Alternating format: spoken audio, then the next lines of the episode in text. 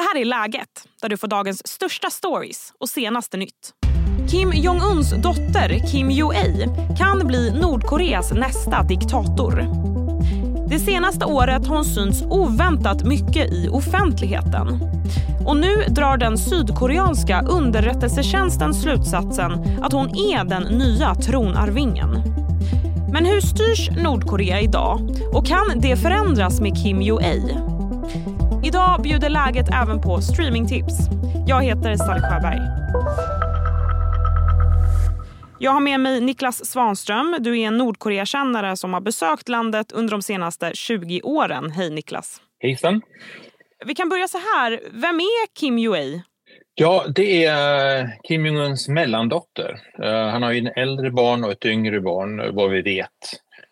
Och hon har då lyfts fram väldigt mycket senaste tiden i officiella sammanhang och blivit lite grann den här eh, ja, hela Nordkoreas dotter och liksom den respected daughter of North Korea.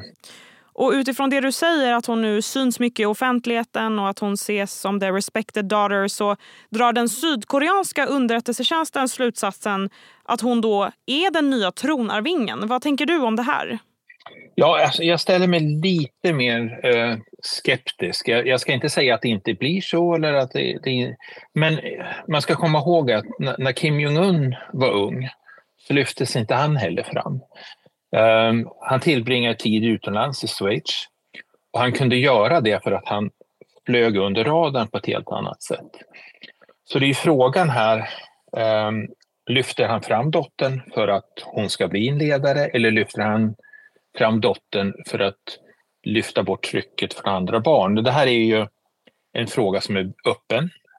Eh, och sen är det ju en annan faktor. Även om han vill nu att Kim Jong ska bli nästa ledare av Nordkorea, håller befolkningen med eller håller liksom leda, det övriga ledarskap med? Det här är ju ett väldigt patriarkaliskt konfucianskt system.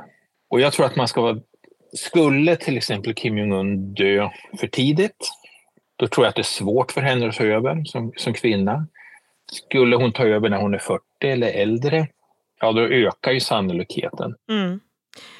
Nordkorea är ju en diktatur. Den eh, styrs då av den här Kim-dynastin. Vill du måla upp bilden för någon som bor i Sverige och som inte riktigt förstår den här makten som familjen sitter på? Ja, Kim, Kim-familjen har ju en total makt och Kim Jong-Un är ju den absolut centrala uh, figuren i hela systemet. Och Kim-familjen generellt har en oerhört stark position och eh, beundras, respekteras av den nordkoreanska befolkningen till väldigt hög grad. Så att de är sedd som, um, som en given ledare. Men under Kim så finns det ju ett antal olika maktfaktorer och framförallt då partiet och militären som finns ändå som en maktfaktor. Och även om Kim Jong-Un har en, en totalmakt utåt sett så måste han ändå förhålla sig till både partiet och militären. Frågan är ju då vad som kan hända med allt det här om Kim Jong-Ae intar tronen. Jag ska fråga dig det Niklas, men först så blir det en kort nyhetsuppdatering. Två personer har omkommit efter två separata olyckor på batterifabriken Northvolt i Skellefteå. Först kom nyheten att en man i 60-årsåldern har dött i den olycka som inträffade igår när ett väderskydd skulle monteras över ett betongfundament. Och lite senare kom även beskedet att en 25-årig man dött efter en explosion på anläggningen i november. Northvolts vd Peter Karlsson säger till TT att det är en citat svart dag. Gröna Lunds berg och dalbana Jetline kommer hålla stängt hela 2024. Det skriver parken i ett pressmeddelande. Sen dödsolyckan i somras då en kvinna dog och flera skadades så har Jetlines framtid varit osäker. Olyckan utreds fortfarande och det är först när den utredningen är klar som Gröna Lund kommer ta ställning i vad som kommer hända med Jetline. Anna-Lena Laurén tilldelas Expressens Per Wendel-pris för hennes rapportering om Rysslands krig i Ukraina. Laurén har arbetat i Ryssland i 16 år och hon har rapporterat för Dagens Nyheter sedan 2016. I våras tvingades hon lämna Ryssland eftersom hon inte fick ny akkreditering i landet. Vinstsumman är 100 000 kronor. Hej, Ulf Kristersson här. På många sätt är det en mörk tid vi lever i. Men nu tar vi ett stort steg för att göra Sverige till en tryggare och säkrare plats. Sverige är nu medlem i Nato. En för alla, alla för en. Hej, Synoptik här. Hos oss får du hjälp med att ta hand om din ögonhälsa. Med vår synundersökning kan vi upptäcka både synförändringar och tecken på vanliga ögonsjukdomar. Boka tid på synoptik.se. Om Kim Jong-Un nu intar tronen, vad, vad kan hon göra eller blir det mycket av samma sak? Vad tror du? Ja, problemet är ju att det blir, det blir väldigt mycket samma sak. För att när du kommer i en sån här struktur och även om Kim Jong-Un ville ändra så kanske inte strukturen tillät honom. Och Kim Jong-Un kommer nu kommer att stanna i Nordkorea. Hon kommer att växa upp i Nordkoreans struktur. Eh, och då tror jag att förändringsmentaliteten är ganska begränsad. Det man kunde ju hoppas att nästa ledare också, som Kim Jong-Un, växer upp i ett, ett annat system, ett västländskt, och tar intryck och lär sig någonting. Men det sagt, jag tror ju att chanserna att Nordkorea ska förändras fredligt är ytterst begränsade. Det här är ett system som är starkt förankrat. Det är varje enskild förändring hotar och liksom omkullkastar den här regimen. Så att eh, incitamenten för förändring är ytterst begränsade. Mm. Du som har varit i Nordkorea, vill du, hur är det att vara där? Ja, det, Nordkorea är ju ett, ett väldigt segregerat samhälle där du har, eh, du kan vara i Pyongyang som är Kina på 60-talet, ska väl säga, eller 70-talet kanske till och med. Men där det finns en elit som ofta lever väldigt, väldigt bra. Och sen har man då lite större städer, Wonsan till exempel, som är lite bättre än övriga landet men betydligt sämre än, än Pyongyang. Och sen har man landsbygden där det är eh, där man lever på en helt annan nivå. Men sen är det ju också fascinerande hur, hur man eh, indoktrineringen fungerar, hur man lär barn från väldigt tidig ålder liksom att skydda nationen, skydda ledarskapet. Det är ju ett, för att vara ett totalitärt samhälle så är det väl nästan den, den renaste formen av ett totalitärt samhälle där man har oerhört lite externt inflytande. När man kontrollerar folks tankar till minsta lilla. Mm. Nordkoreas framtid, vad, vad ser du i spåkulan? Ja, jag tror att Nordkorea är ganska stabilt.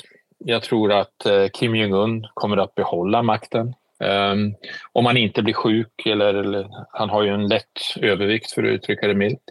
Um, så att uh, klarar han det här så tror jag att Nordkorea är relativt stabilt. Framför allt då med samarbetet med nu med Ryssland. Uh, när Nordkorea säljer vapen till Ryssland för att användas i Rysslands invasion av Ukraina så finns det ju en, en stabilitet i det nordkoreanska systemet som gör att uh, ja, väldigt lite kommer att förändras. Det sagt så kommer ändå Nordkorea att öppna upp mot omvärlden för att minimera det kinesiska och ryska inflytandet. Sen när man tycker att det västerländska inflytandet är för stort, då kommer man att stänga gränserna igen och fokusera på Ryssland och Kina. Så här är det ju, Nordkorea spelar också ut Ryssland och Kina mot västvärlden och vice versa. Mm. Tack så mycket Niklas. Tack så hemskt mycket. Och härnäst i podden så blir det streamingtips. Expressens tv-kritiker berättar varför Alla mot alla är bättre att se i helgen än På spåret. Först blir det dock fler nyheter.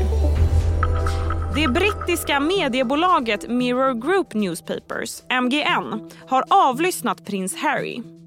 Det har nu en domare slått fast i prinsens omtalade rättsfall.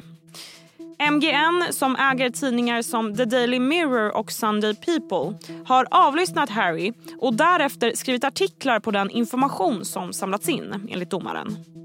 Mediebolaget ber nu om ursäkt och erkänner att det gjorts historiska övertramp.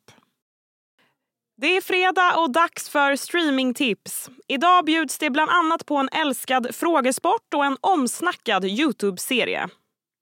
Med mig som vanligt är Expressens tv-kritiker Mattias Bergqvist. Halloj, halloj. Halloj, det är fredag. Det, Det finns fredag. kaffe. Det finns kaffe. Det är underbart. Ja, och helgen är, på, är intågande. Exakt. Vad kan man må bättre? Ja, det kan man när man tittar på det här som vi ska tipsa om nu. Ja, vi börjar då. Youtube-serien Late Night with Seth Meyers är det första tipset. Eh, programledaren Seth Meyers då träffar världens största kändisar och dricker. Senast hängde han med Dua Lipa. Look, we're off to a good start. Red Bull and tequila. Red Bull and tequila is You've good. done that before I have, in your yeah. life. I have. Pumpkin spice latte. No. All right. All right. I feel like we are. Ja, men eh, Mattias, jag har missat det här, men det låter som någonting right up my alley. Vad, vad, vad blir det för snack när de sitter där och tutar på? Alltså det är, det är fantastiskt roligt det här eh, lilla, inte lilla, men det är ett inslag i Seth Meyers uh, pratshow som sänds i USA. Som de sen brukar med jämna mellanrum lägga ut på, på YouTube då. Och den här, den här gången så är det med Dua Lipa. Och det, alltså konceptet är otroligt enkelt. Det är liksom day drinking with Seth and Dua. Så det enda de gör, det är liksom att de, och det är det man ska söka på på YouTube också eh, för övrigt. Eh, men de, de är på en bar, eh, de leker lite lekar och så sen så dricker de massa konstiga grejer. Som blandar konstiga drinkar. Det är liksom en, eh, någon slags så här, eh, sanning eller konka eh, variant där Seth Meyers behöver rangordna sina barn eller ta eh, i, i favoritskap eller ta en shot. Eh, så det här är fantastiskt och det är min favorit av de här eh, är Rihanna när hon är med i det. Som är, det är ett otroligt avsnitt. Helt otroligt avsnitt. Uh, Är den nyinspelad? För hon har ju varit eh, prego ett tag. Nej, den är, precis. Hon drack inte när hon var gravid, Nej, Sally. okej, utan okej. det, den har några år på nacken, Ah, eh, ska sägas. Eh, men då, Dua Lipa är den senaste. Sen finns det även med Lizzo, Kelly Clarkson och sen när Seth är ute och dricker med sin bror och då dyker helt plötsligt hans pappa upp och så finns det ett helt avsnitt som bara är med Seth och hans mamma. Nej men så ser det här, det är liksom eh, Youtube behöver inte bara vara till för att söka upp eh, liveinspelade mobilbilder från Fred Agains spelningar. Utan man kan som titta på sånt här gör. också. Det är klart man gör, det är det enda man gör. Okej. Ja, ditt eh, andra tips är något helt annat, eh, men det handlar om kändisar. Det är SVTs dokumentär Sagan om bolaget eh, som såklart också handlar om bandet Bolaget. Bolaget. Alltså de slår ju bara rekord på rekord på rekord. Nej men bolaget kom ju på ett sätt från ingenstans. Statistiken för de låtarna som spelats mest på Spotify har precis eh, kommit. Ikväll igen är årets mest spelade på Spotify. På andra plats ligger... Ja, men eh, hur nära kommer SVT den här gruppen säger du? Ja, men ganska nära tycker jag. Jag tycker de är öppna. Jag eh, har eh, inget som helst förhållande till bolagets musik. Eh, förutom det att jag vet att de, det är väldigt, eh, det streamas väldigt mycket, det lyssnas väldigt mycket på bolagets låtar. Sveriges mest får- spelade grupp faktiskt. Exakt, vilket man förstår såklart. Det är ju den typen av musik. Eh, men som sagt, jag föredrar att söka efter obskyra eh, Fred Again-låtar eh, på Youtube istället för att lyssna på bolaget. Men den här dokumentären ger en väldigt nära inblick till varför de är stora. Och också hur de kan ha blivit så pass stora i Sverige som de är. Och det är precis det som behövs tror jag. För att jag tror att många man vet inte, eller jag vet inte, visste inte så mycket om bolaget överhuvudtaget, förutom att de var från Falun. Eh, och jag tycker att det är, det är alltid fascinerande att följa personer som börjar med musik eller vad som helst och sen slår igenom och hur de reagerar på sitt kändisskap. Eh, och det får man också se här. Verkligen. Kul. Eh, ditt tredje och sista tips är att hoppa över På spåret ikväll och istället se frågesportsprogrammet Alla mot alla som nu går in i en finalvecka nästa vecka. För den som har missat det här, vilket jag ställer mig väldigt tveksam till om någon har gjort det. Den programleds i alla fall av Sveriges mest kända duo Filip och Fredrik. Och jag har förstått att du föredrar Alla mot alla framför På spåret, Mattias. Jajamän, det gör jag. Eh, det enda, den enda njutningen jag numera får av att titta på, spår, på På spåret, det var en svår mening att säga. Det är svårt, det svåraste som finns ja. faktiskt. Exakt. Det är liksom att se, som nu så går liksom John Ossie in och är, är, husband. Och det är ju fantastiskt såklart. Utöver det så tycker jag att På spåret har tappat eh, den där gnistan som gjorde det speciellt. Så, då är det mycket roligare att titta på Alla mot alla som den här säsongen då har samlat ett slags All-star-gäng för att göra upp eh, om titeln. Och eh, nästa vecka då så är det liksom finalvecka, semifinal, semifinal, final. Och eh, det ska bli kul att se hur det går såklart. Vilka är eh, kvar framför... nu i, i sista tampen här? Erik Haag och Lotta Lundgren, Olof Lund eh, som ju fortsätter att kämpa mot eh, Filip och Fredriks små vad ska man säga, inte förolämpningar skulle jag vilja säga, men eh, liksom eh, armbågar i magen. Mm. Eh, verbala sådana som de alltid riktar mot Olof Lund. Mm. Och det, det, det, är fortfarande, det, det är det som är fascinerande, att efter att ha gjort det här programmet så pass länge så är det fortfarande spännande. Eh, Filip och Fredrik och eh, redaktionen som gör programmet, de hittar ingångar Eh, till frågorna som gör att man ändå sitter där och bara, ja det här är kul. Och det är också liksom. sån och, fakta som man kan även fast man inte är den mest eh, allmänbildade. Absolut. Och jag så... talar inte från erfarenhet utan bara... Nej, eller hur.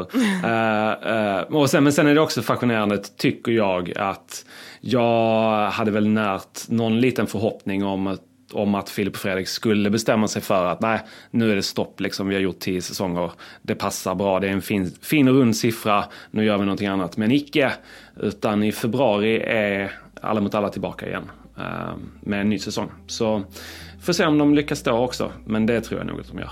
Mm. Trevlig helg Mattias! Detsamma! Och det var allt för den här veckan.